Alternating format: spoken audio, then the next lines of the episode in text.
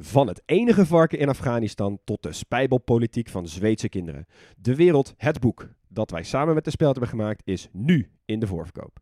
Het is de meest betrouwbare landengids der landengidsen. Het beste boek dat je nooit mag gebruiken bij je eindexamen. Ga naar grotepodcastlas.nl slash boek, bestel hem en dan heb je hem eind juni in huis.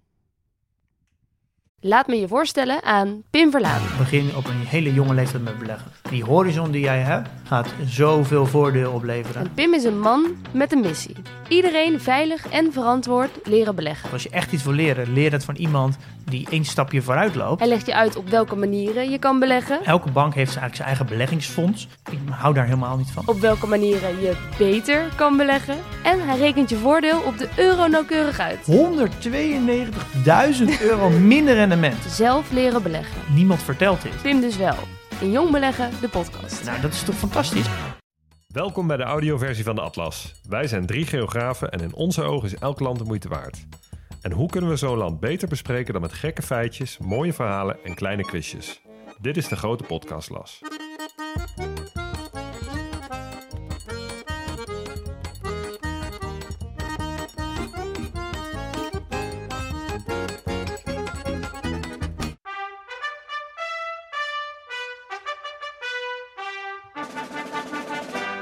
Ooit was de wereld overzichtelijk en eendimensionaal. Landen beklommen voorzichtig de ladder van de vooruitgang. Hoe die ladder eruit zag en hoe hoog landen mochten komen, werd vooral bepaald door het Westen. Of je als land modern was, hing toch een beetje af van of je je schikte naar Westers model. En toen was er de 21ste eeuw. Knipper drie keer met je ogen en China is terug op het wereldtoneel. En hoe? Op de ladder van de vooruitgang kun je tegenwoordig afslagen nemen. Er valt wat te kiezen. Voor ons is dat spannend, want er worden niet alleen maar westerse lakens meer uitgedeeld. Voor China is het ook spannend, want met ambitie komen er verwachtingen. En voor de rest van de wereld is het eigenlijk ook gewoon spannend, want hoe ziet de wereld van de toekomst eruit? Dat zien we in het infrastructurele vehikel dat China heeft geschapen, de nieuwe zijderoute. Het grootste infrastructurele project ooit, maar ook een van de meest mysterieuze en ongrijpbare. Willen we de wereld duiden, dan moeten we de nieuwe zijderoute duiden. En dat doen we vandaag met een gast. Welkom, Eva Kamero. Dankjewel. Welkom om hier te zijn. Ja. Leuk om je even de hemd, het hemd van het lijf te kunnen vragen. Ja. Over een land dat ons toch wel fascineert de afgelopen tijd. Kijk ook even naar mijn mede-podcasters. En over een onderwerp in dat land eh, en buiten dat land, waar Ja. we heel veel vragen over krijgen. Waar we weten dat er bij de luisteraars een hele grote behoefte ligt om daar eens wat dieper over in te gaan. Ja, wat goed. Super, eh, super fijn dat we dat vandaag kunnen gaan doen. Ja, nou ja, je bent er in ieder geval negen jaar goed, eh, goed mee bezig geweest. Uh, maar eerst even jouw terugkomst, want uh, je, je bent weer terug. Dus in Nederland, Ja. we zitten in Amsterdam nu. Ja. Uh, hoe lang ben je inmiddels terug? Eh, bijna drie maanden. Ja, twee, twee maanden en een beetje. Ja. Ja, het was geen geruisloze terugkomst. Um, je hebt natuurlijk een boek geschreven. Uh, goed Ja. om meteen even te zeggen over jouw tijd als correspondent. Ja, Uh, ook een beetje over de tijd waar China nu in is inbeland. Uh, Ja. Alles onder controle heet het. ja, vooral over die laatste paar jaar inderdaad. Ja, Ja, ja je bent ook um, bij de Bali geweest, zag ik. Je hebt een podcast met uh, Micha Blok opgenomen. Je was bij Op1. Um, hoe voelt het om aan alle kanten dat er aan je getrokken wordt nu? Ja nou, ik was het... eh, klinkt raar, maar ik was het al een heel klein beetje gewend... eh, omdat het afgelopen jaar zo ontzettend druk was. Er waren zo weinig correspondenten nog maar in China... dat ik heel erg veel eh, media bediend heb. Um, in Nederland eigenlijk vooral trouw, maar um, de krant trouw. Maar um, in het buitenland heb ik ook vrij veel kunnen publiceren. En uh, ben ik op de radio geweest en zo. Dus er werd um, met name die laatste paar maanden van vorig jaar waren ontzettend druk. Ja, heb ik Ja. heel veel gedaan. En hoe, het, het, het zijn er minder geworden, het aantal correspondenten dat nu in China zit. Ja. Komt dat door COVID? Uh, dat komt deels door COVID. Uh, de correspondenten die weggaan, die zijn moeilijker te vervangen omdat, ze, omdat er zelf gewoon, er zijn minder mensen die zelf er naartoe willen. Omdat het allemaal, nou ja, je weet niet zeker meer wat er gaat gebeuren. Hè. Of je sowieso, je, je bewegingsvrijheid is beperkt. Maar wat als er weer een lockdown komt of zo. Of die, die vrijheid is, is nog minder dan, uh, dan voorheen. Um, maar ook omdat China minder visa toekent aan correspondenten. En uh, ja, wat voor, voor mij en voor mijn collega's een, een grote aderlating was, was 2020. Toen um, uh, een, een, hele groep correspondenten van de Wall Street Journal, New York Times en Washington Post het land werd uitgezet eigenlijk. Een visum werd niet verlengd.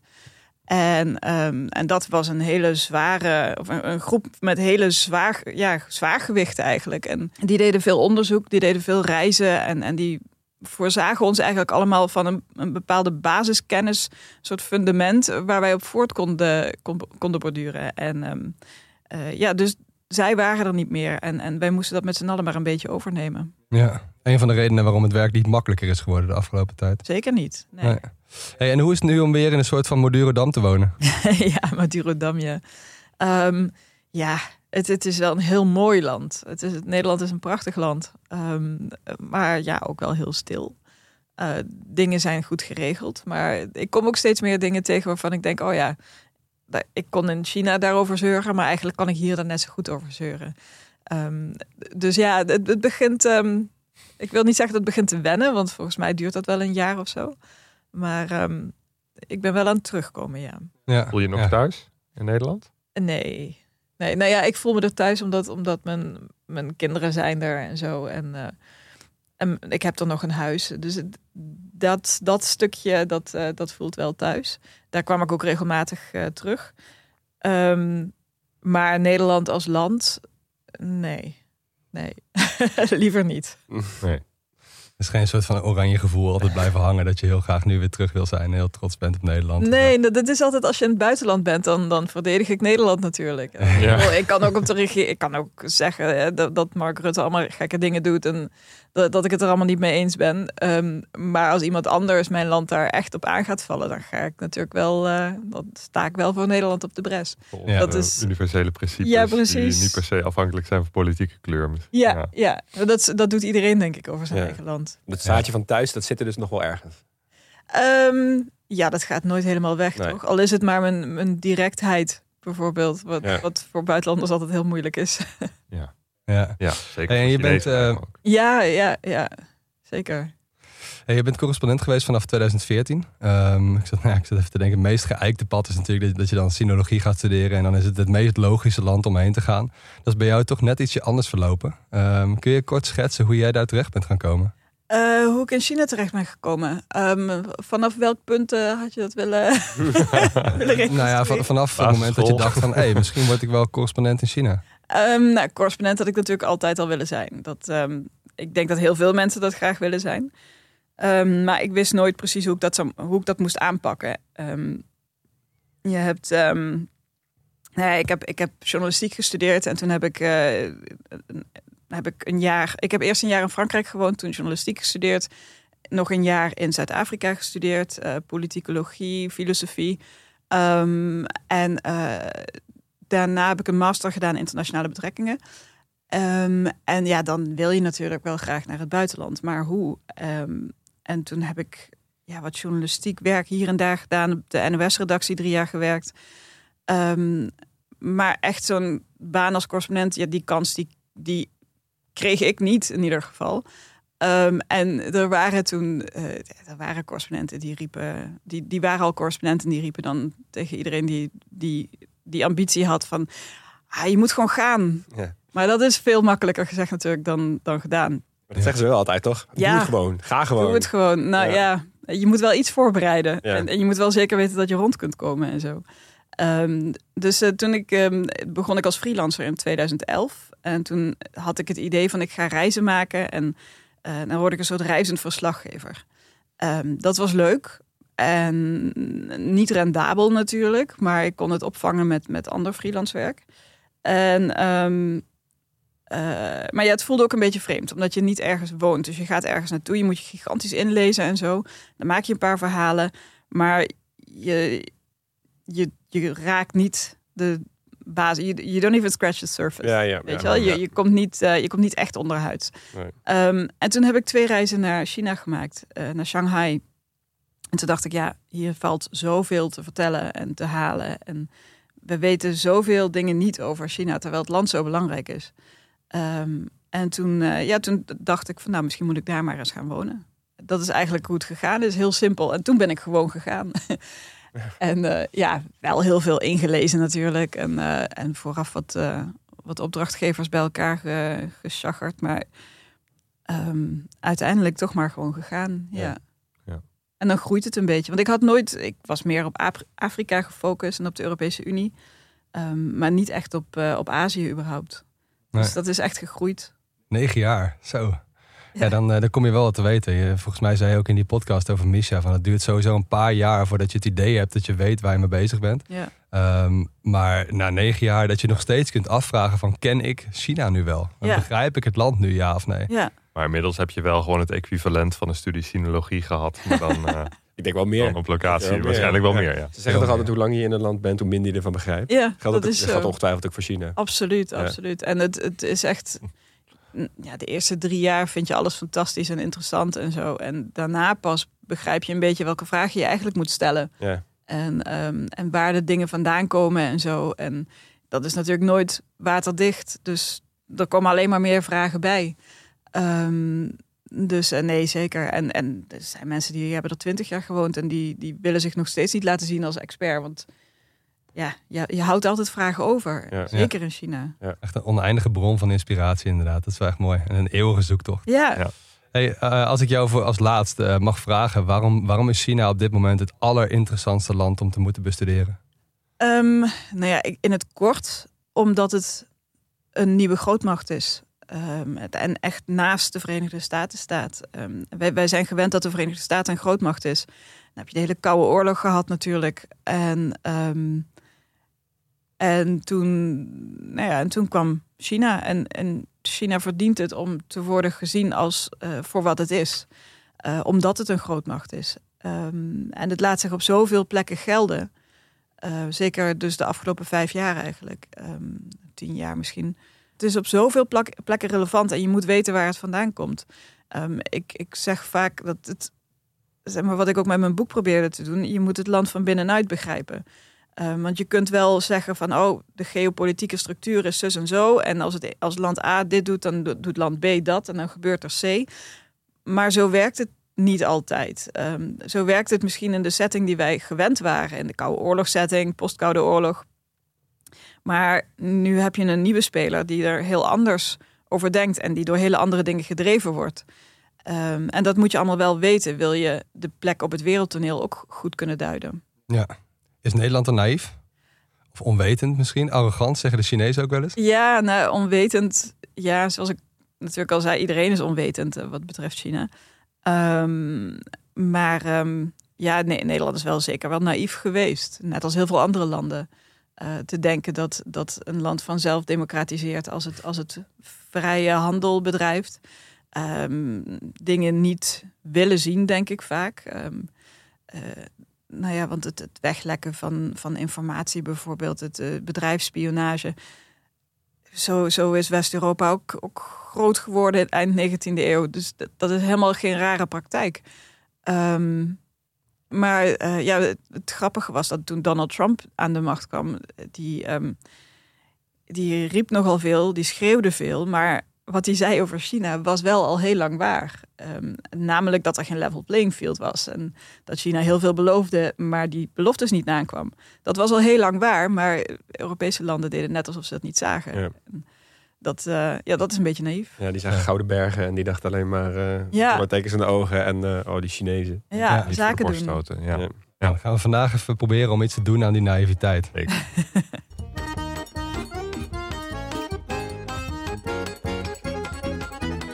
Hey, vrijwel iedereen eh, heeft wel gehoord over, over de nieuwe zijderoute. En als ze dat niet hebben, dan hebben ze wel gehoord over het Belt and Road Initiative, zoals het in het Engels wordt genoemd. Ehm, nou, we weten ook wel allemaal dat het iets te maken heeft met China, dat het iets te maken heeft met hun buitenlandpolitiek, dat het iets te maken heeft met handel. Ehm, het is een begrip wat we pas en onpas gebruiken als we het hebben over de nieuwe economische wereldorde. Ehm, maar mensen die echt begrijpen wat de nieuwe zijderoute inhoudt, die zijn er maar weinig. Ehm, we gaan daarom even terug naar de basis. Verlicht ons. Wat is nou eigenlijk de nieuwe zijderoute? Jeetje. Nou, het, je zegt al, er zijn weinig mensen die echt weten hoe het eh in elkaar zit. Ik weet het ook niet helemaal 100% hoor. Ehm, het is, het is zo'n amorf project. Wat aan alle kanten uitdijt. En er is niet een, een duidelijk afgerond eh, ehm, initiatief of project. Ehm, wat het is, ik zat te denken, het is een beetje zoals... je moet je voorstellen, weet je nog toen Balkenende, het vorig Mhm. decennium premier van Nederland. Sommige van onze Ehm. jongste luisteraars zullen geen idee hebben. Die was premier van Nederland en die deed een beetje een domme uitspraak, mogen we wel zeggen, in het parlement. En toen zei hij, uh, de VOC-mentaliteit moet terugkomen. Daar heeft hij enorm veel kritiek op gekregen, want hè, Mhm. de VOC is ook niet helemaal positief en zo, uh, to say the least. Maar um, het ding is, je moet je voorstellen dat, dat Xi Jinping zoiets zegt. En dat heeft hij in zekere zin gedaan. Hij heeft allemaal speeches, heel breedsprakige speeches gehouden over China, over het wereldtoneel. En over die zijderoute. Dat is tien jaar geleden dat hij dat introduceerde. En hij introduceerde het ook als een soort vaag project. Maar als je zoiets roept in China, dan, um, uh, dan, dan gaan alle, alle overheden en alle overheidsinstellingen, maar ook alle staatsbedrijven, alle lokale overheden, die gaan daarmee aan de haal. Want die denken, oh, dit wil onze leider, die kant moeten we op. En er zijn dus heel veel projecten opgetuigd onder de noemer Belt and Road Initiative. Dus stel, je moet je voorstellen dat Balkenende dus zoiets roept en dat toen alle, alle, Alle Nederlandse bands over deze overheids- wereld, Ja. instellingen hadden gedacht, oh, maar daar moeten wij ook iets mee. Dat de Belastingdienst denkt, oh, maar wat kunnen wij doen om, weet je, het, het havenbedrijf in Rotterdam, wat kunnen wij doen? En Wat Mhm. veel logischer is dan de Belastingdienst, maar dat maakt niet uit in China. Ehm, dus iedereen denkt dan, we moeten iets met dat project. En dat, ehm, dat is in China ook gebeurd. En zo zijn er dus enorm veel projecten opgetuigd. Het een groter dan het ander. Ehm, maar allemaal onder die noemer het Belt and Road Initiative. En zoals het begon, eh, waren het eigenlijk drie routes. Mhm. Een noordelijke route. ja, ik moet aan het begin beginnen. De oude zijderoute, dat klassieke idee ehm, van de eh, zo'n kamelenstoet die dan eh, specerijen over land door de woestijnen zeulde Mhm. eh, naar de andere kant van het continent. Nou ja, zoiets ehm, wilde China zogenaamd weer in het leven roepen. Ehm, maar dan met spoorlijnen, bijvoorbeeld door Rusland richting Europa. Er gaat er eentje nou ja, door Centraal-Azië richting de Middellandse Zee. En dan gaat er nog eentje eh, door Pakistan naar, ehm, wat ligt daar? De, de Indiase, Indische ehm, Golf van India? Hoe heet dat? Hoe heet die zee daar? Ja, de Arabische Zee, Ja. denk ik dan. De, de Indische golf, Oceaan eigenlijk. Hè? Ja. En, eh, als we even uitzoomen. Ja. Ja. Dat is Ja. hem. Ja. Ehm, En dat noemen we, verwarrend genoeg, de belt. ja, de road. Ja. de belt, ja. Dus een, een gordel is het. Het wordt in het Nederlands ook vaak vertaald als, als de gordel. ehm, ehm, maar dat, ehm, ja, dus dat, dat- zo begon het met, met Mhm. eh, treinen die, eh, die moesten gaan rijden, handelsroutes richting Europa, ehm, richting Pakistan ook heel veel, richting Centraal-Azië. Ehm, en, ehm, en ja, daar zijn heel veel dingen bijgekomen, want, want die Belt and Road die gaat tegenwoordig ook over de zee bijvoorbeeld. Dat is de road. dat is de road.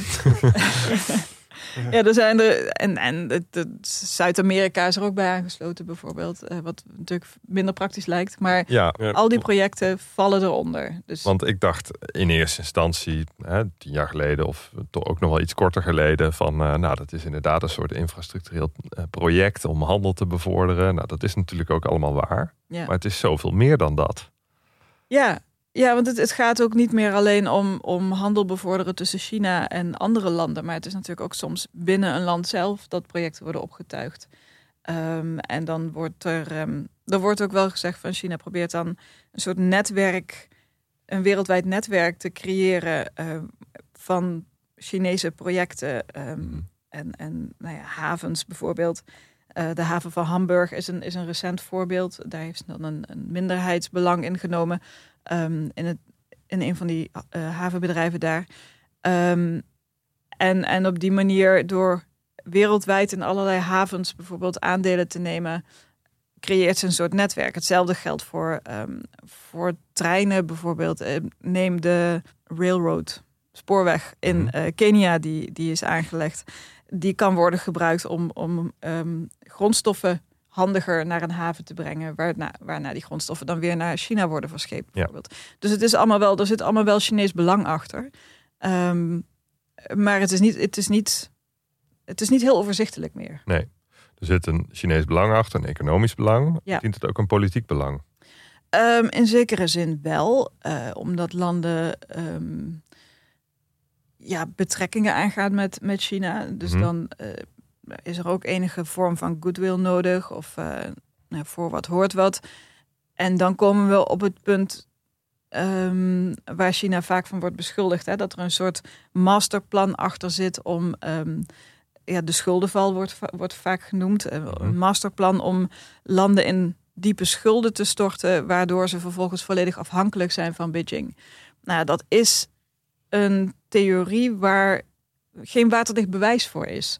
Ehm, want er, er zijn eigenlijk nog geen landen geweest eh, die hun assets hebben moeten afstaan Mhm. aan China, Ja. omdat ze het niet Dus meer die, konden die in die betalen. val zijn gelopen. Ja, die Ja, dat was een beetje een theorie toch toen het zeg maar net een beetje opkwam. eh, die Belt and Road, dat iedereen ervan hoorde met grote bombarie aangekondigd. Dat de hele wereld eigenlijk een soort van schrok. Van oh, eh, gaat China nou echt eindelijk naar buiten toe? Ja, En toen kwam het inderdaad dat, eh, tenminste, als je, je kan een heel mooie tijdlijn zien. Die eerste tijd was het gewoon, oh, wat is het allemaal? Wat gebeurt er allemaal? En daarna was inderdaad een hele periode, oh, China is eh, ehm, allemaal andere landen in de val aan het lokken en schuldenval. En nu zitten we echt in een periode waarbij heel veel mensen eigenlijk zeggen, nou, dat valt allemaal wel mee. Eh, klopt het dat mensen een beetje elkaar Ja. aan het napraten waren over wat het nou wel en wat het nou eigenlijk Ja, allemaal ik niet denk is? het wel. Kijk, als je, iets, als je niet zoveel weet over een land, dan, dan is het makkelijk om daar allemaal kwade dingen bij te zoeken. En, en als je China alleen maar als dreiging ziet, dan zie je alles als dreiging wat Ja. China doet. Ehm, maar als je kijkt naar de feiten, ehm, ja, kijk, die, heel veel van die projecten, daar zijn beloftes gedaan die niet zijn nagekomen. Eh, er, zou, er zouden eh, banen worden gecreëerd bijvoorbeeld. Nou, dat is niet zo. China heeft die projecten ook veel gebruikt om, om overcapaciteit weg te sluizen. Dus ze bracht ook haar eigen arbeiders daarheen bijvoorbeeld. Ja. Dus er zijn heel veel beloftes niet nagekomen. En veel van die eh, schulden die zijn gemaakt, die zijn gemaakt op voorwaarden waar wij als westerse landen eh, vraagtekens bij zetten. Hè? Want er hoeven geen. er hoeft niet te worden gekeken naar klimaat bijvoorbeeld. Of ehm, Mensenrechten achter. Ja. mensenrechten. ehm, ja, dat, dat hoeft allemaal geen rol te spelen hier. Neem het geld en, en begin met bouwen.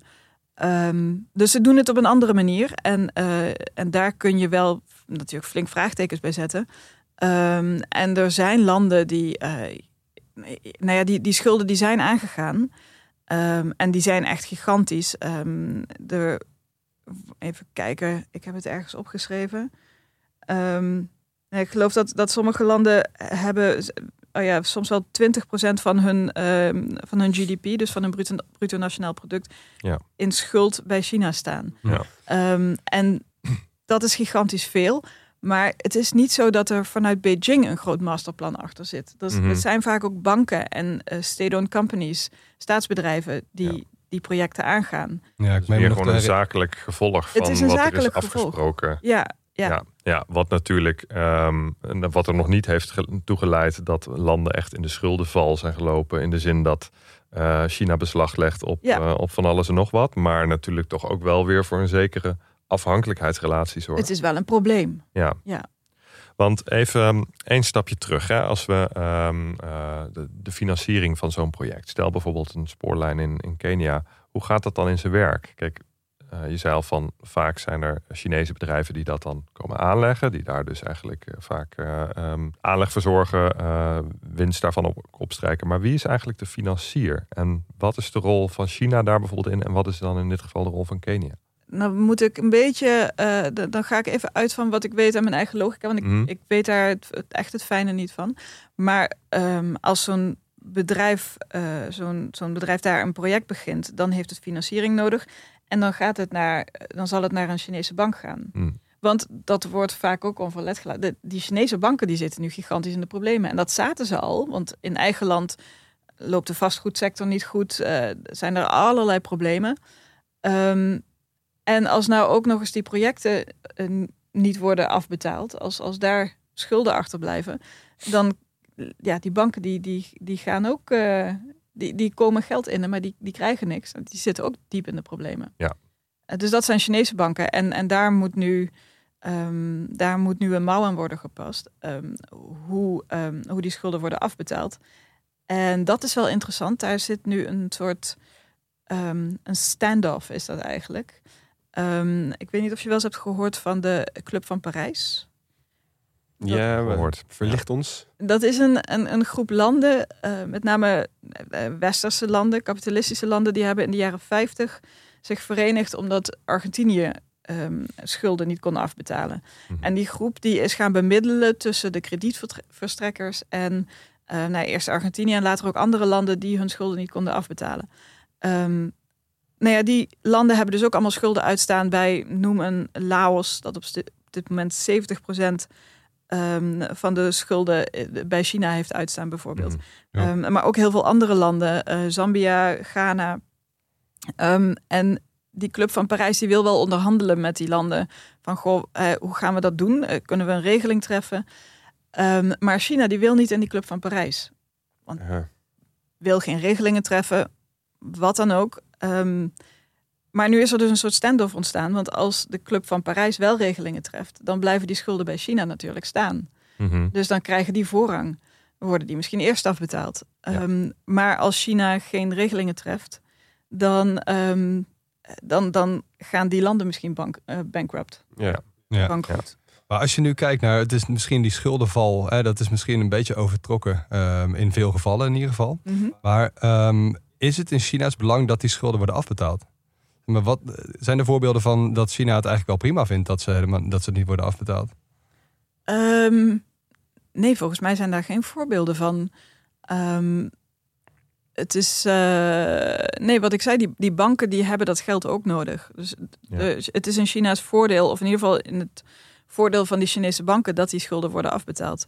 Ehm, misschien moeten we het ook nog even hebben, of moeten we het even noemen, die haven waar iedereen altijd aan denkt in Sri Lanka. Ja. Ehm, Hambantota. Tota. Habantota, ja, dat is een. ehm, dat, ja, ik heb, ik heb vanochtend gesproken met ehm, een vriend van mij in Duitsland. ehm, om, om hier eventjes eh, weer beter in te komen. Want hij heeft net een boek uitgebracht. Dat heet Die Drekkige Zijdenstrasse. De, de modderige zijderoute. Ehm, en hij zei van ja, die haven, dat was eigenlijk een beetje een, een bijzonder project. Ehm, wat niet helemaal symbool staat voor al die andere projecten. Ehm, het lijkt, hij zegt het lijkt grappig genoeg een beetje op de Hongkong-deal die destijds is gesloten, maar 100 jaar geleden, als een soort van je mag, die, je mag dit stuk land zo lang gebruiken en dan Een soort eh, lease. een soort lease, ja. En ja, dat, dus daar zou China gebruik van kunnen maken, maar dat doet het nog niet. Hm. Ehm, ik denk dan van dat doen ze waarschijnlijk ook niet, omdat dat wel een gigantische backlash zou hebben. Dan Ja. zou India zich zorgen gaan maken. Dan, nou ja, dan, dan Ja. gaan allerlei andere landen, allerlei andere actoren zich, eh zich Ja, en, en we hebben in onze aflevering over Sri Lanka ook even kort over gehad. Maar het is ook. Het Sri Lankaanse voorbeeld was ook een heel goed voorbeeld van mismanagement vanuit de organisatie daar. Totaal, maar, de, de ja. regering die op omvallen stond en die elkaar aan het opvolgen waren. Dus Ja, ik snap, dus China kan nu nog vrij makkelijk zeggen.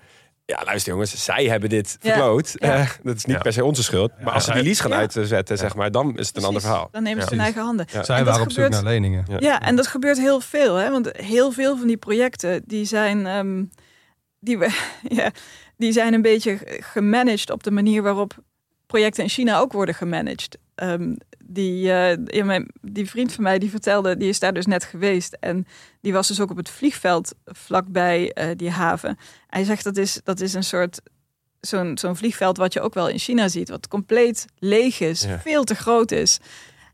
En dat, dat soort projecten zie je ook in China, waarbij Ja. gewoon helemaal niet nagedacht is over bepaalde factoren. Van hoeveel mensen gaan hier gebruik van maken. Mhm. En op welke termijn willen we, willen we hier iets uithalen en zo. Ja. Ja. Gewoon maak maar. Begin maar gewoon met bouwen. Ja, en we zien wel waar naar... eh, Ja. Met Ja. onze westerse blik denken we dan, ah, binnen tien jaar staat daar een, eh, een militair vliegveld. En uh, China gaat daar steden bouwen en dat soort dingen. Maar zij bouwen maar gewoon een vliegveld en dan zien ze het wel. Ja. Is voor ons dat- een heel raar het gaat maar om het heeft proces. ook te het gaat om maken- het bouwen. Ja. Met die overcapaciteit natuurlijk. Precies, ja. dat, dat, hè, dat er Ja, die moeten worden je moet je spullen ingezet. kwijt, je moet je arbeiders kwijt. Ja, en Ja. zo gaat het in China vaak ook. En, ehm, en daarbij komt nog dat heel veel van die landen natuurlijk ook een bepaalde mate van corruptie eh, speelt, waardoor die leiders ehm, geen verantwoording hoeven af te leggen. Ehm, dus ja, dat gaat op een hele andere manier dan dat bijvoorbeeld vroeger het Marshallplan in, in West-Europa eh, plaatsvond. Ja. Ja. want daar wordt het vaak mee vergeleken. Ja, ehm, maar in dat opzicht gaat die vergelijking dus mank eigenlijk de uitvoering. Ja, op de uitvoering.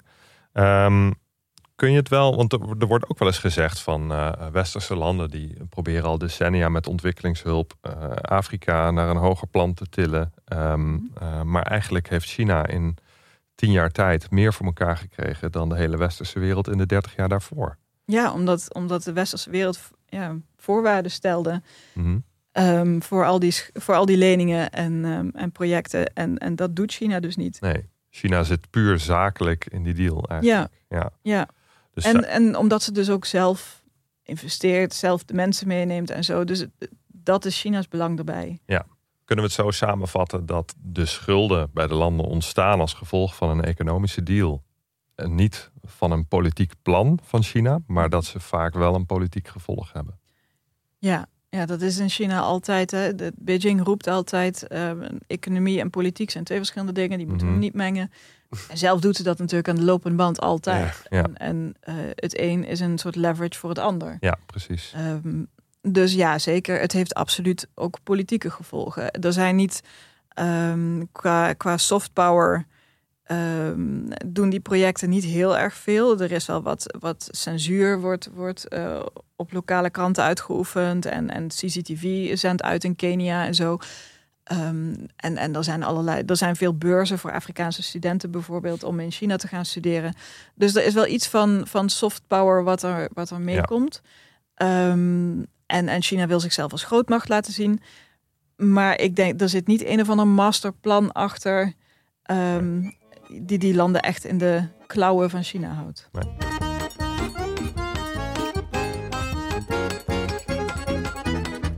Oké, Hugo, dank dat, ehm, dat je eventjes een kleine inhoudelijke intro hebt, eh, hebt gedaan met het, met het onderwerp. Je blijkt, het is, een, het is een heel moeilijk onderwerp om te kunnen duiden. Eh, toch fijn dat we daar iets wijzer over worden. Dus ook veel dank, Eva. Ehm, nu even naar de tegenwoordige tijd. Want de afgelopen jaren las ik toch best wel veel berichten over dat het wat minder snel gaat dan dat het de afgelopen tien jaar gegaan is. Het was echt een project waar heel veel geld eh, tegenaan werd gegooid. En de ene na de andere project werd geopend. En dat leek de afgelopen tijd ietsje minder hard te gaan. Eh, waarom was dat precies? Het is dus een heel ondoorzichtig fenomeen, hè, dat project. Dus we weten het niet precies. Ehm, inmiddels is er volgens mij ongeveer een biljoen, een trillion eh RMB ingestopt. Nou, dat is heel veel geld, onvoorstelbaar veel geld. In, in, even kijken, wat was het? Nou, de- in zoveel landen dat we weten zelfs niet in precies in hoeveel landen er projecten lopen op dit moment. Maar het gaat over, over nou ja, zo ongeveer de helft van, van het wereldwijde ehm, BNP heeft er, heeft er, eh, ja, is erin vertegenwoordigd. Bizarre cijfers. Het, het zijn bizarre Ja, cijfers, maar we weten dus niet eens precies hoeveel, omdat Nee. het vooral een promotieding is. Ik weet ook niet of, of, of er gewoon nog zoveel, of, of er projecten zijn die, waar misschien wat minder promotie over wordt gemaakt op dit moment. Want het is wel waar ehm, dat er in China op dit moment, ehm, of eigenlijk de afgelopen jaren, ook heel voorzichtig schijnt te zijn, want dat weten we natuurlijk niet zeker, maar achter gesloten deuren schijnt te zijn geweest van nou, misschien moeten we een beetje rustig aandoen met dat eh, smijten met geld. eh, want binnen China zelf zijn er ook genoeg economische problemen. En misschien moeten we daar even op gaan focussen. Ja. Mhm. Dat, ehm, dat verhaal ging dat dat achter gesloten deuren ook wel werd gezegd door experts. Maar het is natuurlijk wel een soort prestigeproject van Xi Jinping zelf geworden. Dus, die, eh, dat, dus er werd heel veel promotie voor, voor gemaakt en heel veel over geschreven. En eh, ja, de Chinezen zijn er ook van doordrongen dat het een manier is van China om zich te laten zien in de wereld en zo. Wat ook belangrijk is, is dat het project zo groot werd en zoveel tentakels heeft aan alle kanten, dat het heel diep geworteld zit inmiddels in alle institutie, instituties, Mhm. in alle instellingen en staatsbedrijven en ehm, onder in de ambtenarij. Dus het, het zit zo diep dat je het niet meteen meer kunt, je kunt het niet uitwissen of zo. Of zeggen, Ja. nou laten we er nu maar mee stoppen. Dat, eh, dat is ook niet meer mogelijk. Dus wat dat betreft kun je misschien wel zeggen dat Xi ook de inzet is wel van groot. Ehm, hoe, hoe belangrijk is, dit, eh, is het slagen van dit grote project dan voor Xi? Nou, omdat het zo groot is en, en onvatbaar, ehm, kun je ook niet zeggen of het geslaagd is of niet. Een project kan geslaagd zijn of, of mislukt. Eh, maar als het mislukt is, dan, dan eh, schrijf je dat af op het staatsbedrijf dat erbij betrokken was. Ehm, dan heeft de bank heel veel pech. Eh, Maar meestal worden die, want het zijn allemaal staatsbanken, dus meestal worden die banken dan ook alweer opgevangen door, ehm, door Beijing zelf, door de, over, de staatsoverheid of de centrale overheid. Mhm. Ehm, en als het een succes is, dan wordt dat natuurlijk breed uitgemeten. De, de, volgens mij was het de, de spoorlijn in Kenia, die Ja. kreeg wel echt big features eh, in de Chinese media. Ja. En heb je enig idee hoe dit in China ontvangen wordt? Dus hoe denkt de normale, of de, gem- de gemiddelde Chinees over dit soort projecten? Ja, nou die worden met, met, met heel veel propaganda en, en reportages en foto's en staatsmedia worden ze erop gewezen dat hun land een grootmacht is en, en dat ze een belangrijke rol spelen in de rest van de wereld. Dus ehm, Maar Eh, vindt de Chinees dat belangrijk? Ehm, Zijn er niet heel veel Chinezen die, die om zich heen kijken en denken: Goh, wat je zegt, die binnenlandse problemen. Nou, dat is dus waarom, waarom er op een gegeven moment een beetje op de rem werd gestaan van misschien moeten we even rustig aan doen nu. Want eh, hoe kun je dat nog verantwoorden als er mensen geen baan meer hebben? Of als hè, dat, dat coronabeleid dat heeft zo, zo hard toegeslagen Mhm. dat, dat heel veel mensen daar last van hadden. Dus dan kun je niet meer heel veel feestelijke Nee. eh, Kijk, foto's deze daarover. treinrit is Ja, super mooi in. Kenia. Ja. Oh ja, succes met je werk. Ja, ja. Dus, ehm, dus ja, daar zijn wel, eh, daar, dat werd wel een beetje problematisch, denk ik. Maar ik bedoel, het is China. Als de Chinese overheid ergens goed in is, dan is het propaganda. Ja. Mm, Ehm dus de Chinezen zijn, eh, ja, wat ik ook in mijn boek schrijf, een van de redenen dat de communistische partij nog steeds aan de macht is, is dat ze de Chinees hebben opgevoed met bepaalde ideeën en, en voeden met, ehm, met, met verhalen eh, over, over het land, over de geschiedenis van het land ehm, en over de huidige tijd eh, waarin ze eh, dus ja, een grootmacht zijn. Ja. En ja, dat, dan omdat die verhalen van nu, die vallen op een soort fundament van, van patriotisme. En, ehm, en, en dat wordt daardoor lekker aangewakkerd. Ja. Ehm, dus ja, trots. Ja, maar heel eerlijk, ze zijn ook een grootmacht. En Ja, ze precies. hebben ook Ja. die trein. eh, ik heb hem zelf, ik ben zelf op die trein geweest. Oh ja? in Ja. Kenia, die. eh, in Kenia. Ja. Eh, en daar maken ook gewoon heel veel Kenianen gebruik van. Ja. En eh, ik, natuurlijk, er zitten haken en ogen aan van alles en nog wat. En heel veel projecten zijn ook mislukt. Maar ja, er is wel een trein daar. En eh, eh, ik vind het ook heel westers om dan te denken dat alles wat je maar in het buitenland moet gaan investeren, dat dat, dat precies moet lukken. Dus ik snap best wel dat die Chinezen hier trots op zijn. En Ja. in Nederland hoor je toch ook heel vaak, Nederland zegt altijd wel, die baggerbedrijven die die eilanden bij Dubai hebben opgespoten. Daar zijn we dan ook trots op. Terwijl als je nu kijkt naar die eilanden, de helft van die dingen is onbewoond. Het is één grote bende daar. Het ziet er ook niet uit. Snap je? Dus ik vind Ja. dan heel erg soort Chi- China-fobie of zo. Om dan te zeggen, ja, wat China in het buitenland doet is slecht. Maar wat wij in het buitenland dan doen is goed of zo. Ja, Ja. Ja. Maar goed, die, die bedrijven die dat eh, namens Nederland doen, die worden daar gewoon voor betaald. En dat zijn gewoon winstgevende projecten over het algemeen.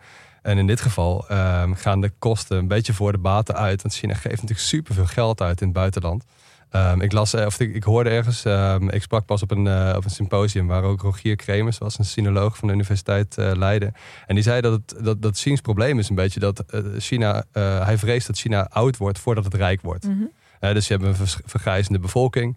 Ehm, en de, eh, de buitenland investeringen daarvan, die worden misschien ook wel een beetje verkocht als een manier ehm, om rijk te worden. Of in ieder geval om grondstoffen en belangen veilig te stellen. Maar de vraag is dus of de Chinezen dat op die manier ook zien. Of dat zij het idee hebben dat dit ook voor hun ehm, rijkdom gaat brengen. Ja. Daar ben ik heel benieuwd naar. Nee, ik denk dat, dat de gemiddelde Chinees, ja, die bestaat niet, een cliché. Maar wat Chinezen veel doen, ehm, en dan heb ik het met name over de, de minder hoogopgeleide ehm, mensen in kleinere steden en op het platteland, die vertrouwen erop dat de staat uiteindelijk alles opvangt. Ehm, als er iets misgaat, dan vangt de staat het op. Ze, ze weten dat ze, nemen wel de verantwoordelijkheid voor, voor zichzelf en voor hun eigen familie en zo. En daar durven ze nergens op te hopen. eh, dat de staat daar, daar eh, komt helpen. Maar uiteindelijk, ehm, kijk bijvoorbeeld hè, zo- zo'n COVID-pandemie. Uiteindelijk is het de staat die zegt van nou nu gaan we dit doen. En dat gaat werken. En dan werkt het ook. Ja. Ehm, dus ja, er is, dat, is, dat is eigenlijk een hele rare tegenstrijdigheid. Hoor. Want aan de ene kant vertrouwen ze niets en niemand. Maar aan de andere kant vertrouwen ze erop dat de staat altijd zal, eh, zal bijspringen. Of de communistische partij dan natuurlijk. Ja. Oké, en dan ehm, tegenwoordig is er dan nu nog iets gerealiseerd de afgelopen tijd. En dat heet het eh, eh, GCI, de, de Global Oh. Eh, Civilization Initiative.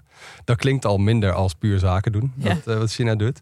Ehm, kun je daar wat meer over vertellen? Wat is dat voor project? Ja, het is eigenlijk het, het, het derde project. Hè, naast, ehm, even kijken, het Global eh, Defense Initiative en het Global Development Initiative, als ik het goed heb. En eh, dat zijn natuurlijk, nou, het enige gaat om veiligheid en zo en de grenzen. Ehm, en het andere gaat over, ehm, over ontwikkeling, dus, dus wel ehm, eh, die economische belangen. Maar ja, het Global Civilization Initiative. Ja, het gaat over eigenlijk soft power. Dus dat is wat, wat China nog een beetje mist op het wereldtoneel. Hè? Want je, Mhm. een land kan groot zijn, kan rijk zijn, maar je moet het land ook dingen gunnen. Ehm, anders dan ga je dus bij alles een soort ja, kwaadaardig masterplan eh, zien. Ehm, dus je moet het land ook, ook wat, eh, wat gunnen. En ehm, waar China vooral op focust binnen dat initiatief op dit moment, is archeologie. Dus ja, graven en, en allemaal bewijs vinden dat de Chinese beschaving echt 5000 jaar oud is. En eigenlijk al die tijd al supermachtig was Ja. op die 1 en 19e eeuw na, toen ze, ehm, ja, toen ze door alle westerse mogendheden werd. eh, Ja. ja. Ja, dus luisteraars, denk je dat dit een plotselinge opkomst is? Het is voor China Ja. eerder gewoon een hele logische terugkeer op het wereldtoneel. Ja. Ja. Dus maar dat, dat het probleem tegelijkertijd met dat project is dat het, ehm, dat het dus archeologisch is en dat het op geschiedenis gericht is. Ja. Maar ja, wat moet je met kruikjes en, en calligrafie en dat, dat is niet meer echt van deze tijd. Dus kom met iets nieuws. Wat Zuid-Korea natuurlijk wel heeft Ja, gedaan. Bijvoorbeeld de en zo, K-pop. ja. eh, Japan eh, met de sushi desnoods. Maar Ja. al die landen die hebben wel iets.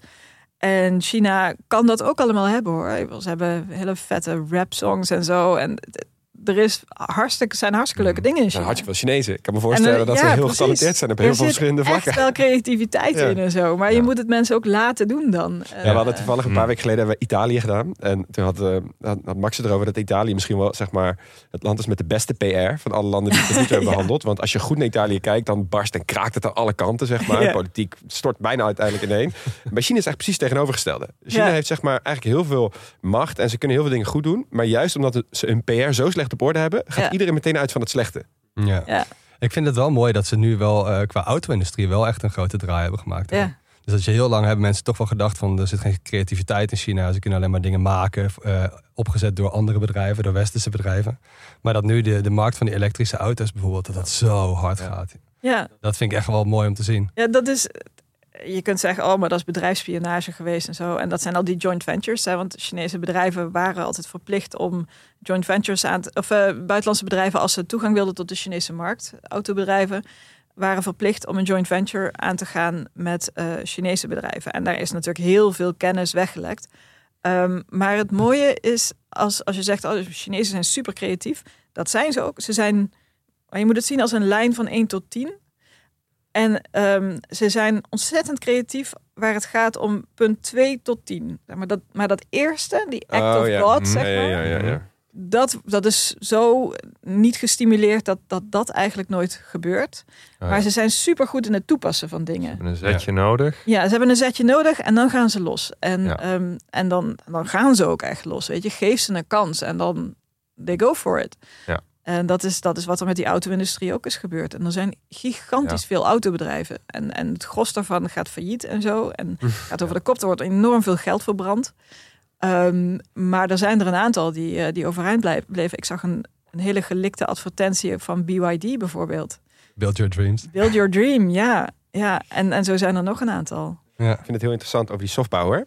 Ehm, zie je dat zelf ook? Want je zei net bij die BRI, hè, Xi die had het aangekondigd en alle bedrijven dachten, oké, ja, hier ga ik mijn, eh, mijn klerenhanger aanhangen, zeg maar, aan dit project. Zie je dat bij dit project ook terugkomen? Dat bijvoorbeeld, weet ik veel, de filmindustrie of de muziekindustrie in China dan ineens denkt, oh, er is blijkbaar geld en ruimte voor ons om onze eh, cultuur beter te uiten richting de wereld. Zie je daar iets van terug? Eh, oh, dat is een interessante gedachte. Nee, omdat er. Want dat is, dat is ontzettend tegenstrijdig. Want het, is zou het is inderdaad een interessante gedachte van... oké, dat wordt gestimuleerd, dus gaan we ervoor.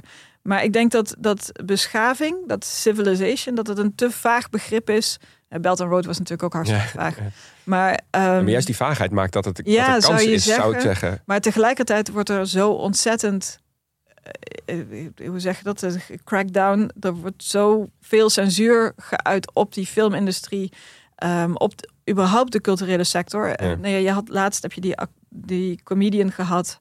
House heet hij in het Engels. Ja. Die, ehm, die een grapje maakte op een stage in, in eh, Beijing. En, en vervolgens nou ja, niet alleen gecanceld werd met zijn bedrijf. Kreeg ook een, een miljoen RB fine. En Ja, Hij zo'n zelf, Ai Weiwei eh, bijvoorbeeld, die ook eh, overal wordt tegengewerkt. Tenminste, ja, ik ik weet niet hoe het nu zit met zijn situatie, maar dat was ook niet nee. een droomverhaal. Nee, precies. Dus je wo- wordt aan alle kanten wordt die cultuur wordt gewoon vet onder de duim gehouden. Ehm, en eh, nee, je hebt natuurlijk sowieso de censuur op, op, op Weibo en, en overal op internet.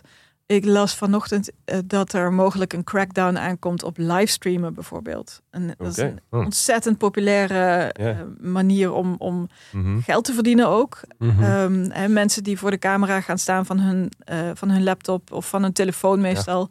En, dan, en dan dingen proberen ja, aan te smeren eigenlijk. En Ja. kijk eens waar ik sta. En, het is, het, Maar is super Is simpel. Ruben Terlouw daar nog wel eens iemand Ja, eh, er zijn heel veel reportages over gemaakt. En ehm, van, van, het, het gaat zelfs tot, tot. Er was een hele bekende boerin bijvoorbeeld in Noordoost-China. Die, eh, die haar rijst aanprees via een livestream. En als je dat op een leuke manier doet, Ja. dan, dan kun je die. Dus heeft die rijst naar alle kanten van het land verschiet, Ja. volgens Ja, Wat mij. is nou die archeologische opgraving. Ja, dan zou het nog hip worden ook. Ja. Ja, ja. dus daar, daar kun je alle kanten mee op. Maar ehm, er was een reportage op CCTV ehm, de, ergens de afgelopen dagen die, ehm, die negatieve effecten of zo daarvan liet zien. Ik weet niet precies over welke effecten het gaat, maar nu wordt er dus gezegd van nou ja, en dat is ook zo, als CCTV daar zo'n reportage over uitzendt, dan is dat vaak een voorbode van een crackdown die eraan komt. Oh, ja. Mm. Dus nou ja, als er dat soort dingen telkens gebeuren, dat, dat, dat, dat maakt het niet makkelijk. maakt het niet makkelijker. Nee. Nee. Nee, creativiteit aan de halsband. Ja, Ja. dat mensen schieten echt in een soort kramp, want je durft niks meer. Ja. Ja.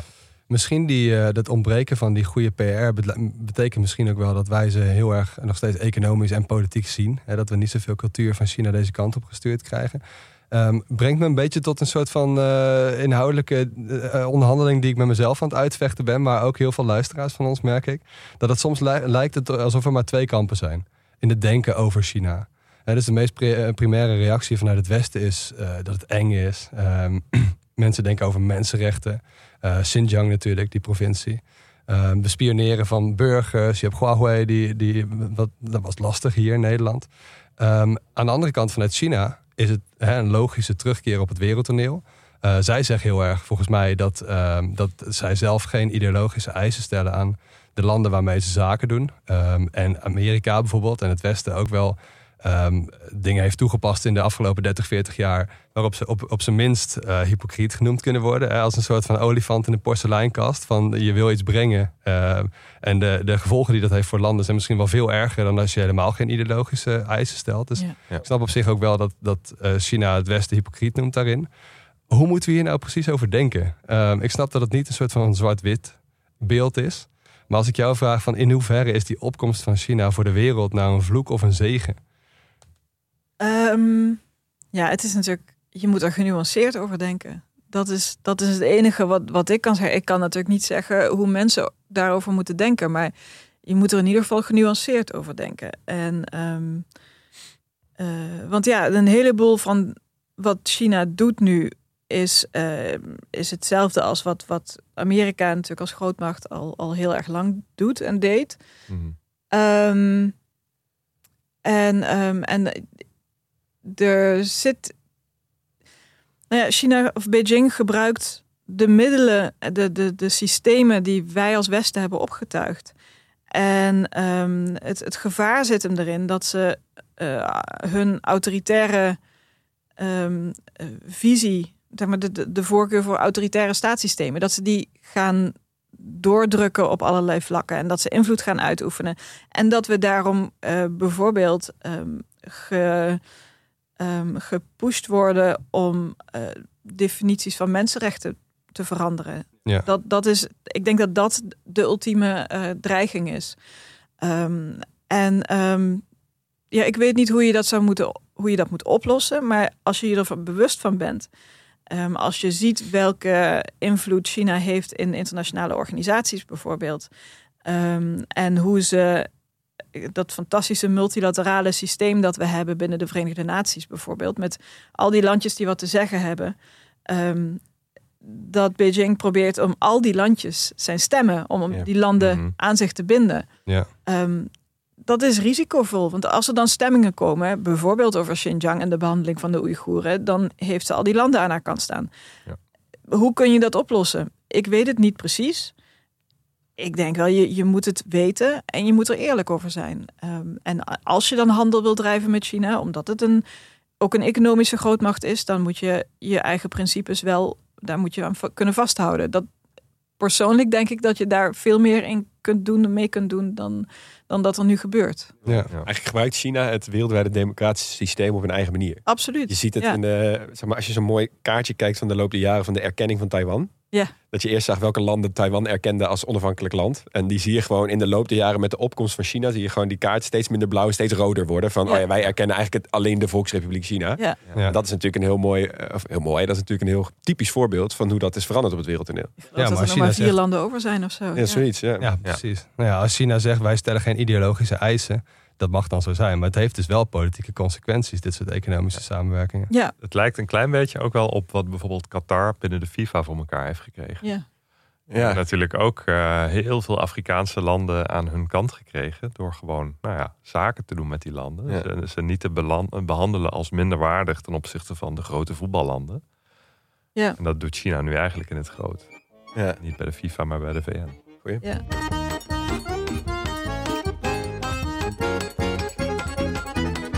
Eva, jij hebt een nieuw boek geschreven. Alles onder controle heet die. Ehm, waar gaat die over?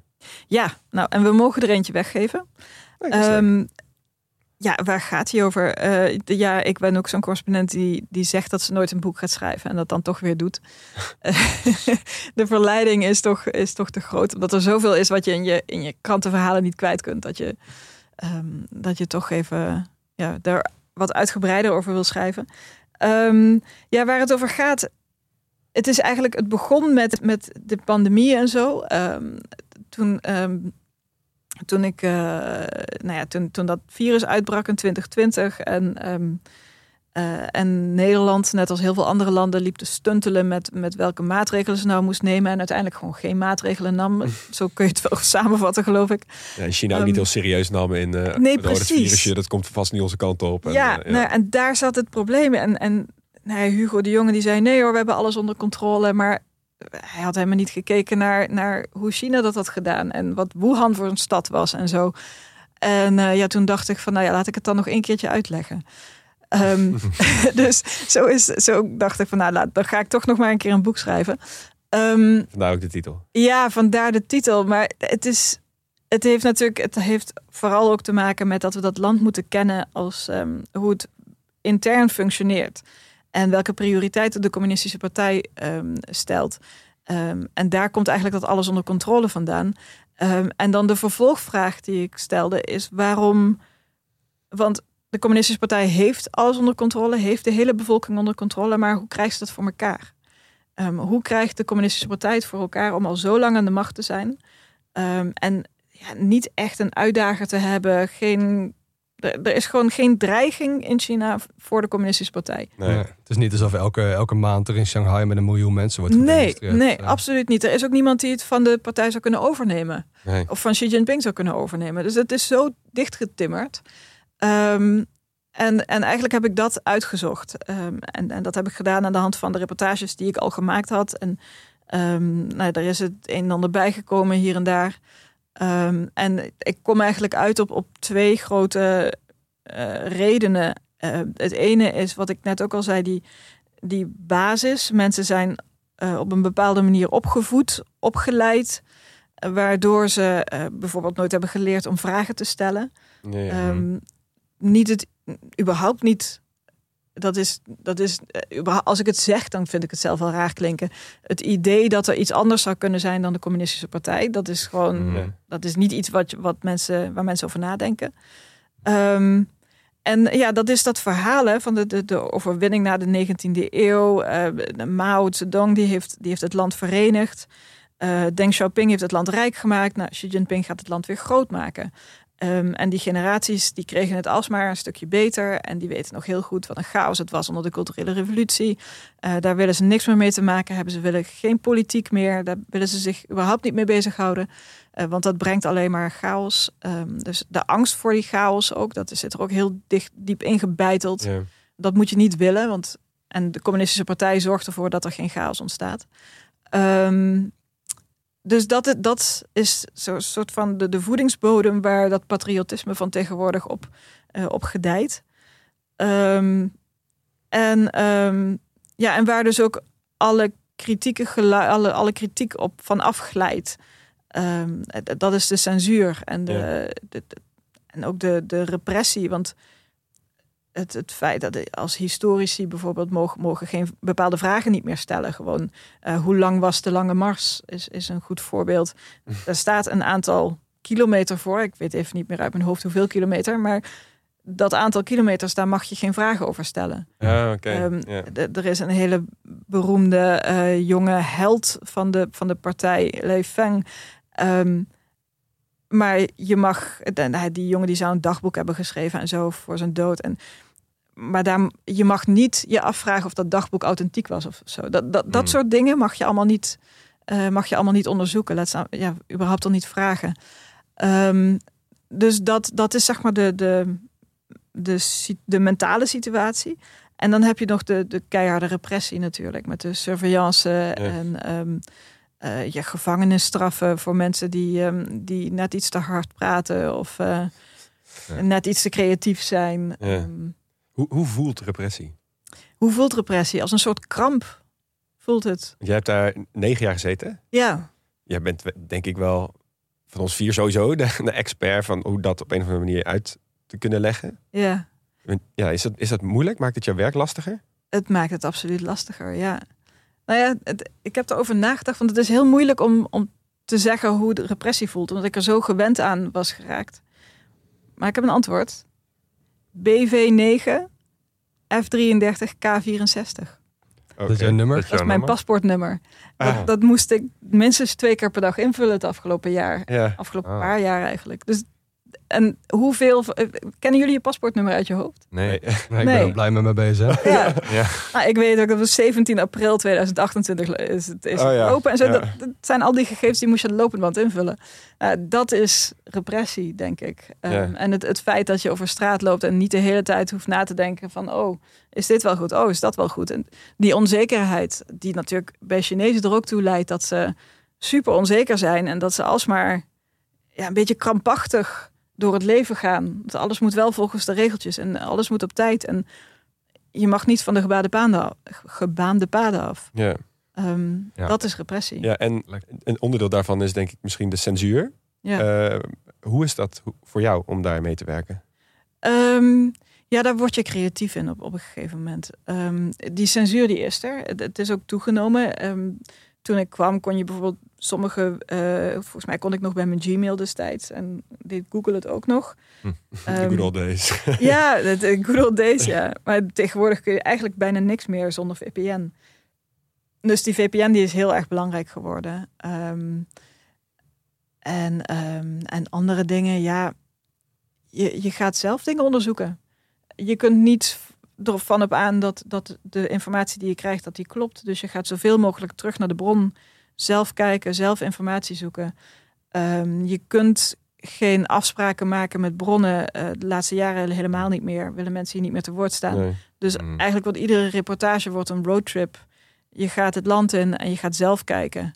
Ehm, dat is een gokje, want ik ben freelancer. Dus nou ja, wat, Ja. als ik geen verhaal verkoop, dan krijg ik mijn onkosten ook niet vergoed, bijvoorbeeld. Ja. Ja. Ehm, dus het is, het is vaak een gokje, maar, ehm, maar er komt ook eigenlijk altijd wel wat uit. En, en word je daarin fysiek wel eens eh, ja, gecensureerd, om het even zo te noemen? Zeg maar fysiek dat, gecensureerd. ja, als in dat ze, mm, je hoort heel veel verhalen en dat, eh, dat bij Telau zagen we dat ook.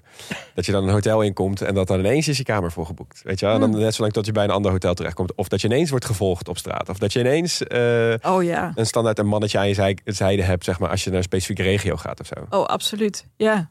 Nee, je, je wordt altijd gevolgd. Ehm, eh, ik had daar strategieën voor. Hè, dat je, je, je gaat ergens naartoe, dan zorg je ervoor dat je om vijf uur s ochtends het vliegtuig hebt. Ehm, dat je de avond van tevoren boekt, zodat het systeem nog niet helemaal is, is doorgelicht door de politie bijvoorbeeld. Ehm, je neemt een vliegtuig, je zorgt dat je een rugzak bij je hebt. Geen koffertje, maar een rugzak. Die, eh, want dan ben je veel mobieler. Dan kun je, die kun je snel in een taxi smijten als je ergens weg moet. Of, Ja. eh, ehm, en eh, en je, je komt aan en dan ga je meteen naar het, het gebied waar je een reportage wil maken. Waar je mensen hoopt te spreken. Waar je wil rondkijken. Ehm, en als je alleen schrijft, dan, dan kan dat. Eh, als je met camera werkt, dan is dat een stuk moeilijker. Ja, Ruben Terlouw heeft een hele productieploeg bij zich en die heeft alles voorgeproduceerd. Maar als je daar op de Bonnefoy heen gaat, wat, wat nieuwscorrespondenten doen. Mhm. eh, ik weet van collega's, dan heb je 15 minuten als je Hmm. geluk hebt, om Ja. iets te doen. Voordat de politie Oh ja. je door heeft en, en naast je komt staan. En van Want de dan- Chinees ambtenaren bij bellen. Ja. Um, Omwonenden bijvoorbeeld van, Ja. staat hier iemand met een camera. Ja, ja je weet nooit, wel. soms Ja. weet je helemaal niet hoe, hoe ze het nou weer weten. Maar dan op een gegeven moment dan komen er mannetjes om je heen staan. Of, of die gaan naast de geïnterviewde staan. Waardoor die geïnterviewde niks meer durft te zeggen. Hmm. Ehm, De partij is natuurlijk zo onderdeel van de, van de samenleving. ja, dat is, ja, dat is één op één eigenlijk. Ja. Eh, De partij is de overheid. En, en de partij zit aan alle kanten in de samenleving. Ja. Ehm, maar en, en in Xinjiang is het, is het helemaal. eh, daar is, sowieso weten ze altijd waar je bent. Ehm, eh, hoe ze dat precies weten is niet altijd duidelijk. Of ze, kijk, WeChat-berichtjes worden natuurlijk altijd gelezen. Ehm, ze hebben je GPS. Dus ze kunnen je altijd vinden. Maar als je in Xinjiang naar het platteland gaat, dan nog steeds krijg je mannetjes achter je aan. Ehm, Ik zou gewoon een veld inlopen en kijken hoe lang ze achter je aan blijven Oh lopen. ja, dat, dat heb ik ook wel eens gedaan hoor. Ik ben een keer naar een varkensboer geweest. Die, eh, dat was heel vaag. Ik weet nog steeds niet. Alle communicatie verliep via WhatsApp. En er ging één berichtje ehm, over, ehm, over WeChat. En daar werd het woord pig farmer in genoemd. En ik denk dat dat de trigger is geweest. En, en mijn eh, gids werd gebeld terwijl we in de auto zaten. Van nou, je hebt een, je hebt een eh, journalist in de auto. Wat, ga- waar, ga je, waar gaan jullie naartoe en zo? En eh, ze moet zich melden op het politiebureau. En, en het was heel zielig, want mijn gids werd helemaal, die werd er helemaal eng van. Oh, ja. En, ehm, eh, maar toen kreeg ik uiteindelijk, kreeg ik, kreeg ik, nou, ik, ik had ze geteld. Volgens mij waren er twaalf mensen die achter me aanliepen. en ik was in mijn eentje. Want vaak, zeker de laatste jaren, vaak reisde ik samen met, met een collega. En soms had ik een assistent bij me ook. Maar hier had ik alleen een lokale, een lokale gids, een, vriend van een vriend. En, ehm, en dus ik was in mijn eentje en de twaalf man achter me aan. En toen was het, op een gegeven moment stonden we ergens langs een aardewal of zo. En aan de andere kant lag die pigfarm. En nou, we wisten niet precies hoe we moesten rijden. En ik had al die auto's achter me aan. En toen zei ik, nou, Volkomen absurd. laat maar, ik ga wel. En toen heb ik de deur opengedaan en toen ben ik, dat vind ik dan wel grappig, ben ik gewoon die aardewal opgeklommen Oh ja. in mijn wandelschoenen. Want je zorgt, dat, dat moet je dus allemaal ja. over nadenken. Ehm dus gewoon die aardewal opgeklommen. Dan vind ik het toch wel grappig dat al die mannetjes dan achter me aan proberen te klimmen. Op dus ja, dus soms is het ook gewoon geinig. En, ehm, en laatst was ik, een van de laatste reportages die ik maakte, was in het zuiden van het land. En eh, soms is het heel onschuldig. Hè? Dan lopen die mensen achter je aan omdat ze willen weten wat je komt doen. Ja. En in plaats van dat ze je het gewoon komen vragen, ehm, lopen ze achter je aan. En toen zaten we helemaal aan het eind van de dag eh, even in een cafeetje te wachten tot we een taxi naar het vliegveld zouden nemen. We hadden wat tijd over. En, ehm, en die mannetjes die al de hele dag achter ons aanliepen, die zaten ook in dat cafeetje verderop. En eh, inmiddels wisten zij dat wij wisten wie zij waren en Ja. zo. En, en toen kwamen ze om eh, vijf voor zes maar eens vragen van... eh, gaan jullie vanavond nog iets doen? Want wij, wij willen zo naar huis eigenlijk. Moeten we aflossing bellen of, eh, of was dit het? Oh, wat hilarisch. Hier We zouden, spelen hier een keer open kaart, jongens. Ja. Hier, hier zouden die Chinezen dus echt fantastische comedyfilms Ja. en series over kunnen maken. Over Ja. het, zeg maar, het semi-belachelijk meer maken van deze. Precies, Ja. als ze die zelfspot zouden hebben. Nou, die culturele kant is heel goed. Verschilt dit dan nog heel erg per regio? Is het te bedenken? Natuurlijk, als je in Xi- Xinjiang gaat, dan is het. nou, gewoon, daar hebben we het even niet over. Maar gewoon voor de rest in het land. Als je naar een of ander klein dorpje gaat, eh, heb je daar dezelfde gevoel van mensen die je volgen en mensen die achter je aan zitten? Als in, als je bijvoorbeeld naar een hele anonieme buitenwijk van Shanghai gaat, bijvoorbeeld? Ehm, ja, in de grote steden is het, is het minder heftig. Ehm, ik denk omdat ze je daar sowieso beter kunnen volgen eh, via je GPS, je telefoon of ehm, ja, het is, het is ook heel veel, dat, dat wordt vaak onderschat, maar heel veel in China wordt door de lokale overheid ook geregeld. En die staan, die functioneren niet, die communiceren niet met de centrale overheid. Ehm, dus, ehm, dus die doen dan zelf maar wat. En die worden heel zenuwachtig als er buitenlanders in hun dorp zijn. en als je dus incheckt, eh, dat, dat is, want je doet dus de hele dag bij je op reportage en je checkt zo laat mogelijk in in een hotel. Want het hotel moet s'avonds eh alle gegevens van de gasten doorgeven aan de politie. En die krijgen dan een kopietje van mijn paspoort. En daar staat dan een J van journalist in. Ehm, dus, eh, en die politie wordt daar heel zenuwachtig van. Eh, want die denken, oh, maar dan moeten we in de gaten houden. Want wat als er iets over ons dorp wordt gezegd? Shit, dan moeten we aan de bak. Ja, ja dus vervolgens je heb je dan mensen achter je aanlopen. Ja. En, ehm, maar ja, dus vaak is het super onschuldig, maar voor mij heel vervelend. En, en voor die mensen met wie ik probeer te praten, is het, is het eng. En je krijgt niet wat je wil hebben. Hmm. Ehm, en in Xinjiang was het, ja, in 2018 was het gewoon echt ja, ge- gevaarlijk. Of in ieder geval hostile, zeg maar, agressief. Ja. En, eh, en toen heb ik ook wel ja, inderdaad gehad dat er hotels werden gecanceld. En nou ja, uiteindelijk kom ik ergens in het superdure Radisson terecht. Ja. Dat, was het enige, dat was het hotel waar ze ons heen wilden hebben. En in plaats van dat gewoon te zeggen, Mm. Ja, ja. we hebben er drie keer naar gehint. Dat net, wij net van, bij nou, dat café had je ook gewoon tegen die gasten die achter je aankwamen. Yo jongens, welk hotel? Zeg Ja, het nou maar gewoon. Loop ik er Zeg meteen heen. Ja. Want daar zetten we er ook gewoon een politieagent met zo'n zo'n krant en dan twee gaten. ja, inderdaad.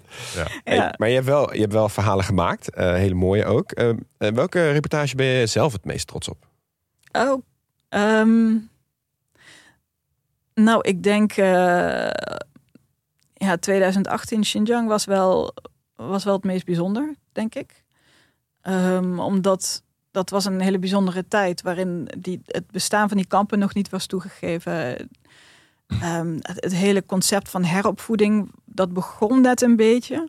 En er was sprake van eh, eh, scholen, heette dat dan, uh, Shoishiban, Ja. scholen waar mensen heen zouden worden gestuurd.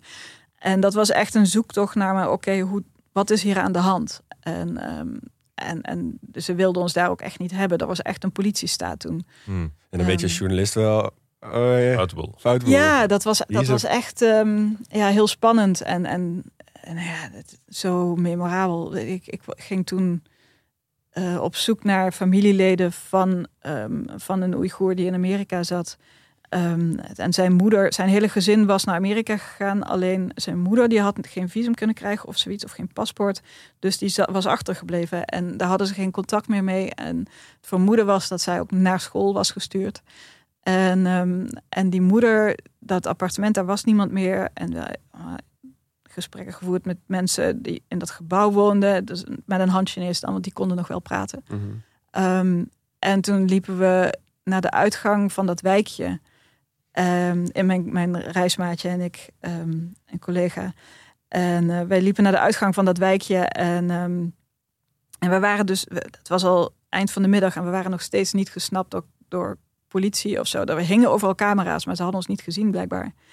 En, ehm, en toen hoorden we voetstappen achter ons. En ehm, dus we dachten, shit, we zijn erbij. En nou, dit is het einde van ons avontuur hier. Mhm. En, en toen keken we om en toen, toen bleek het de zus van die moeder te zijn. En eh, dat was super emotioneel. Oh. Die had, die had haar hele familie in Amerika natuurlijk ook geen contact meer mee gehad. Want je, als je als Oeigoer contact hebt met, met buitenlanders, dan is het gevaarlijk. Dus dit was ook heel gevaarlijk. En we zijn met haar naar een hoekje gelopen en daar heeft ze ons dingen verteld. En, ehm, en ja, een, een heel kat-en-muisspel daarna. En eh, uiteindelijk is het ons gelukt om haar even te laten praten met haar neef in Amerika. En Oh. dat Zo, was, dat was onwijs ja, bijzonder, dat moment. Ehm, dus ja, dat, dat soort situaties. Ehm, en eh, in 2021 ben ik teruggegaan naar Xinjiang. En toen was de situatie eigenlijk een beetje genormaliseerd. Toen waren er heel veel mannen, vrouwen ook, waren vrijgelaten uit, uit de kampen. Mhm. Ehm, de, alleen de zwaarst beveiligde kampen die waren er nog, maar de, de meest lichte varianten die waren opgedoekt, schijnt, denken we. Ehm, en ehm, eh, ja, dus de situatie was genormaliseerd, maar dan krijg je dus een rare situatie. die beschrijf ik helemaal aan het einde van mijn boek, waarbij, ehm, waarbij we op de dag dat de Ramadan was afgelopen, ehm, doen Oeigoeren een speciale dans die iedereen kent. Alle Oeigoeren kennen die. En, ehm, en ja, dat waren duizend mensen op, op het plein in Kashgar voor de moskee. En die waren aan het dansen en dan... En daaromheen stonden alle vrouwen en kinderen. En er was echte vreugde. Vooral bij die vrouwen en kinderen. En ook wel bij veel mannen. Hoewel je ook mannen zag waarvan je je afvroeg of ze nou gedwongen werden om te dansen of niet. Dus dat was echt een, een, een total mindfuck. Ja. Want je vroeg je af, oké, maar mag je nu blij zijn omdat je jouw traditionele dans mag uitvoeren? Of word je gedwongen om blij te zijn? Ja. Hoe moet je hier nou over nadenken? Ja. Dat vond ik een hele moeilijke Ja. situatie.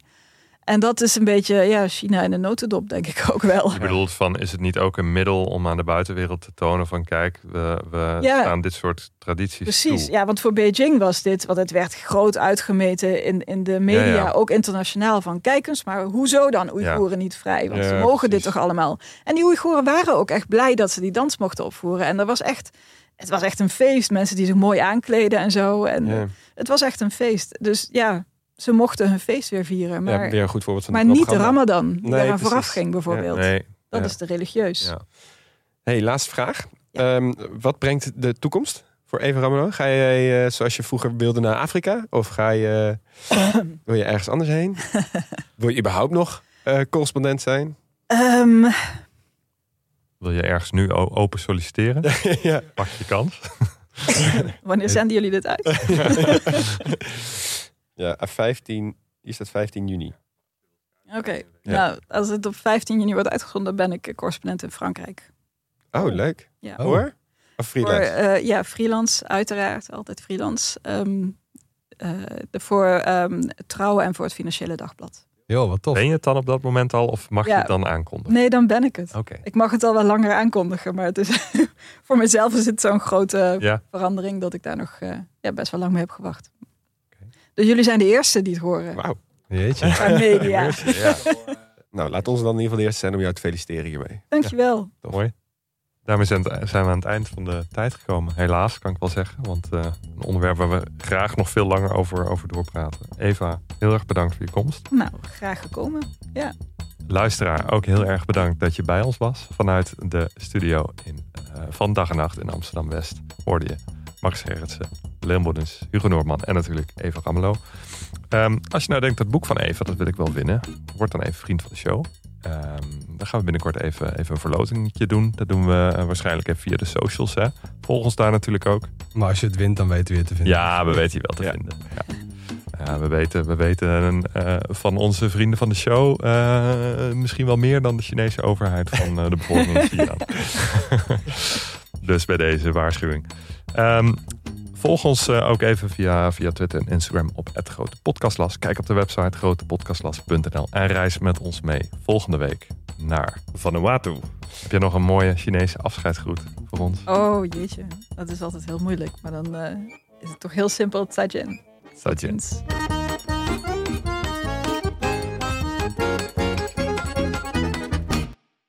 Yo, luisteraar, luister je nog steeds? Klasse man, je hebt er gewoon helemaal afgeluisterd. Nou, nu je tot hier bent gekomen, koop dan ook gelijk even ons boek hè. grotepodcastlas.nl slash boek. Doei!